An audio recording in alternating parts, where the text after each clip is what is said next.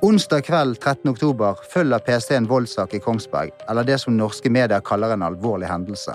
I PST blir det raskt hektisk aktivitet, og mange medarbeidere kalles inn på jobb. Utover kvelden blir det klart at flere er drept av en person, men det er usikkert hva slags angrep det dreier seg om og motivasjonen bak. I studio i dag har jeg med meg kontraterrorsjef Arne Christian Haugstad, og som skal fortelle oss litt om hvordan PST arbeider og håndterer informasjon som tjenesten mottar eller samler inn. Jeg heter Martin Berntsen, jobber med kommunikasjon i PST. Dette er Pst på innsiden av PST. Pst. På innsida av Politiets sikkerhetstjeneste. Sikkerhetstjeneste. Spionasje, etterretning og hemmelighold. Terror og ekstremisme. Trusler, sikkerhet og beskyttelse. PST håndterer de mest alvorlige truslene mot landets sikkerhet. Vi skal ivareta demokratiet men hvordan jobber landets sikkerhets- og etterretningstjeneste? Og hvem er menneskene som jobber her? Vi inviterer deg nå med Pst på innsida. Anne Kristian, kan ikke du starte med å fortelle om hva som foregikk i PST onsdag kveld, og hva du gjorde? Jo, eh, det er jo som du sier, det blir jo hektisk aktivitet i PST eh, når den type saker eh, inntreffer.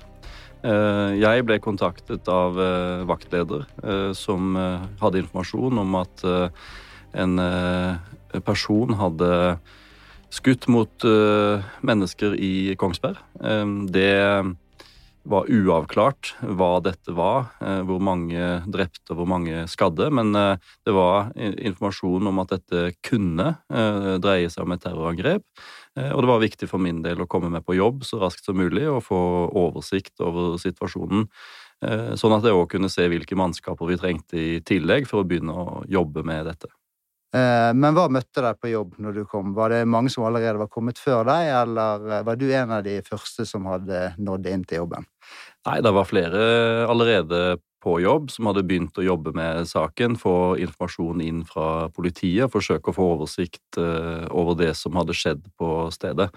Eh, så var det jo viktig da i tillegg å få inn eh, andre ressurser som kunne gå enda dypere inn i å gjøre de vurderingene og analysene som er viktige for oss i en sak, sånn sak som dette. Og først og fremst så er jo det å forsikre oss om at ikke det skal skje noe mer at vi skal avverge at det kommer følgehandlinger, at det har vært flere implisert, at det kan komme inspirerte angrep, eller sågar òg hevneangrep på, på det som har skjedd. Så det er PST sitt fokus i en sånn situasjon. Nettopp, for eh, media ble jo selvfølgelig opptatt av de samme tingene, og de hadde også et veldig fokus på hvem denne personen var, og hvem som sto bak. Men det du sier her, er jo at vi har kanskje i en innledende fase opptatt av litt andre ting. Ja, I denne saken og i lignende saker så er det jo eh, det lokale politiet som eh, etterforsker saken, og som eh, løser det som skjer på selve åstedet, og, og, har det ansvaret. PST sitt fokus vil i slike saker være å avverge at det skal eh, komme noe mer, eh, og det var det også i denne saken. Nettopp. Eh, den siste tiden så har vi fått veldig mange spørsmål om hvordan vi håndterer tips. Kan du eh, si litt om eh, kanskje litt om mengden av tips, hva slags type informasjon tjenesten eh, mottar, og ikke minst hvordan vi jobber med den informasjonen? Mm. Ja, Først og fremst så vil jeg jo si eh, at det er veldig viktig for PST å få inn informasjon. Eh, noe av den informasjonen vi får inn, er jo tips fra publikum. Det er vanskelig å være helt nøyaktige på hvor mange tips eh, vi får inn eh, i løpet av et eh, år, f.eks., for eksempel, fordi vi kategoriserer ikke dette på den måten. Vi jobber med informasjon for å prøve å danne oss et helhetlig bilde av i hvilken grad det er mennesker som kan utgjøre en, en, en terrortrussel. Veldig overordna så kan jeg jo si at vi, vi mottar vel ca.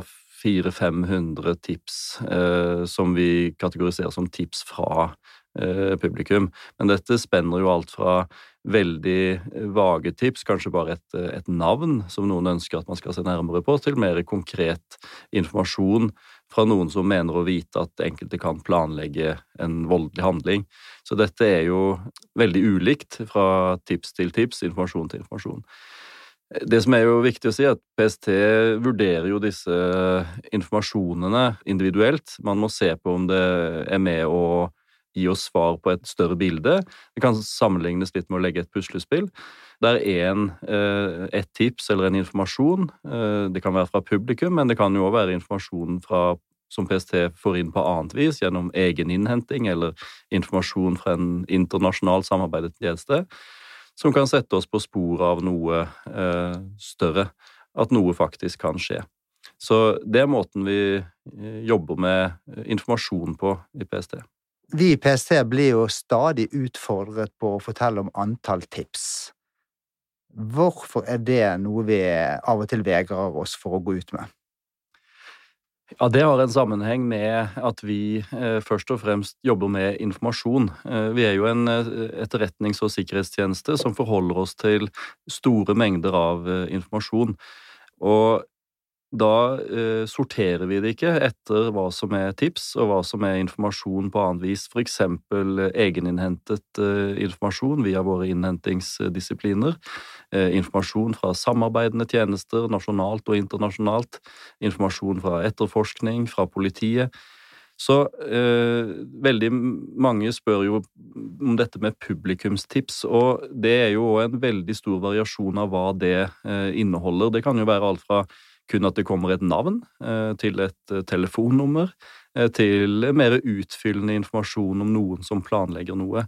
Og vi jobber jo med å avdekke terror, og da er det jo helheten av informasjon som er viktig for å se om det er annet en voldsintensjon og kapasitet. Så å forholde seg til liksom hvor mange tips er krevende for oss å svare på, fordi eh, dette er så sammensatt.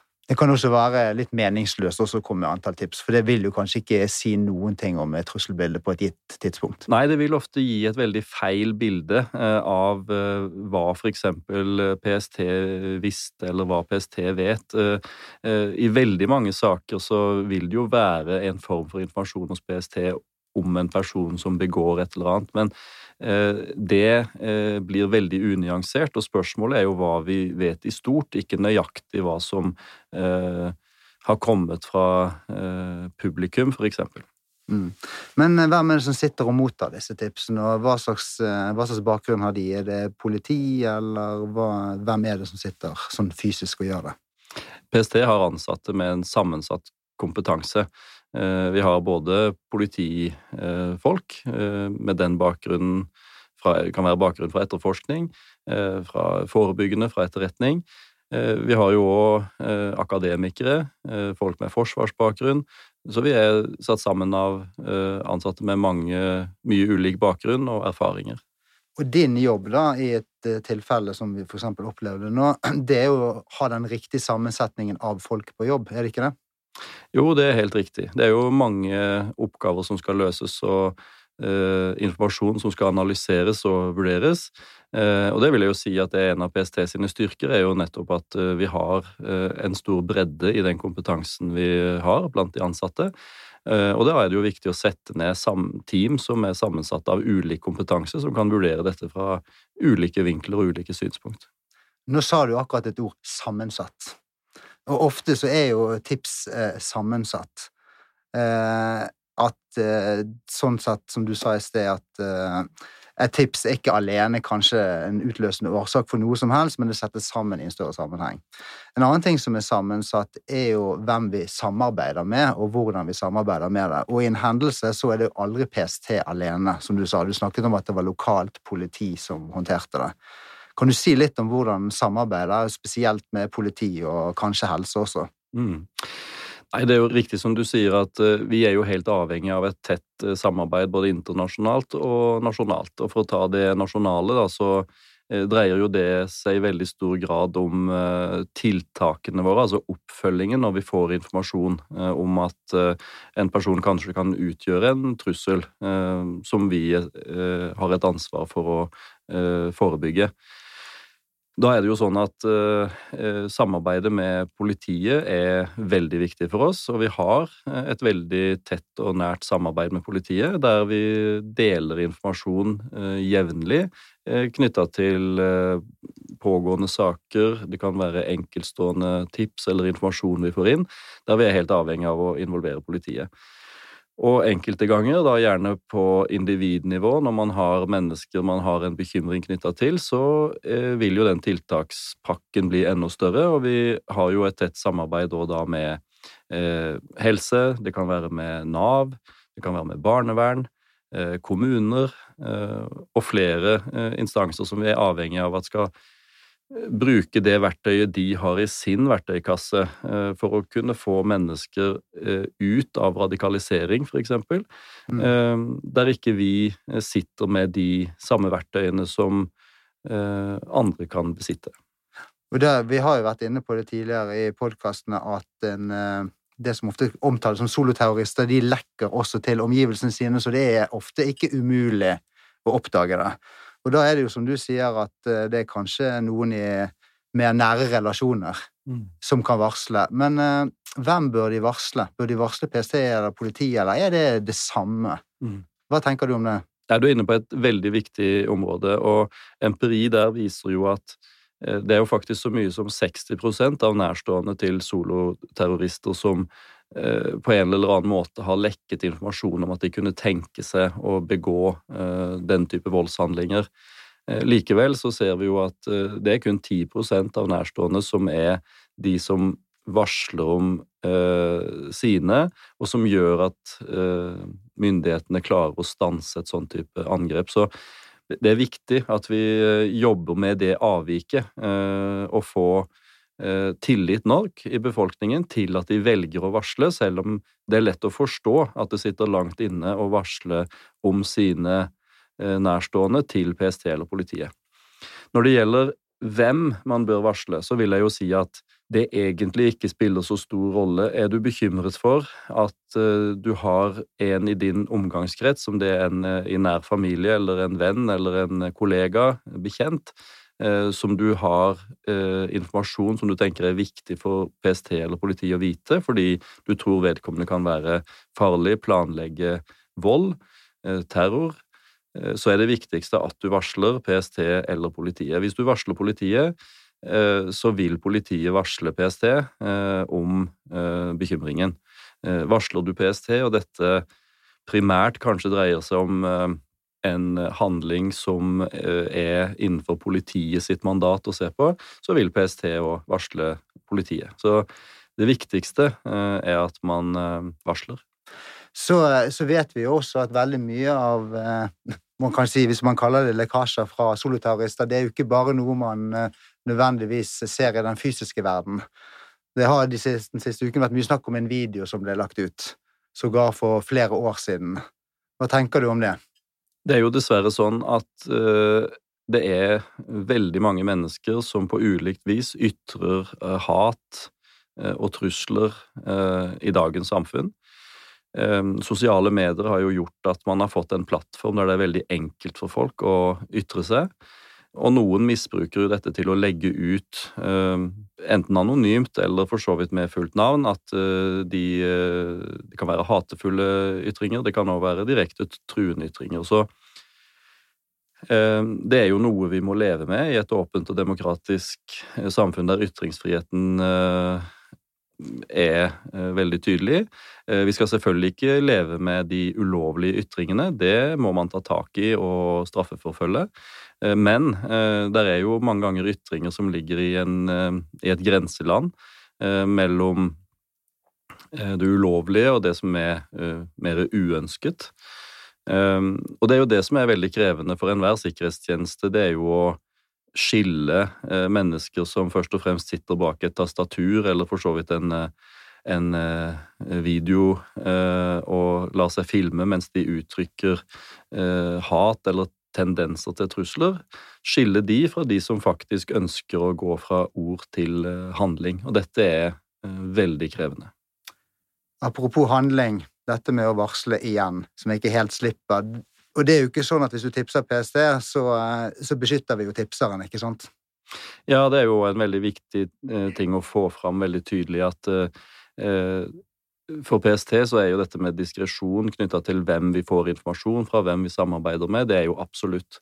Det har vi god erfaring med å verne de som gir informasjon til PST. Så det kan folk føle seg veldig trygge på, at eh, det er ikke noen negative konsekvenser i så måte om å tipse PST eh, om en bekymring. Vi vi har, jo flere eksempler på hendelser og terrorhendelser hvor helt sikkert det har sittet personer som da tenker i etterpåklokskapens navn jeg skulle ha tipset. Mm. Hvorfor gjorde jeg det ikke?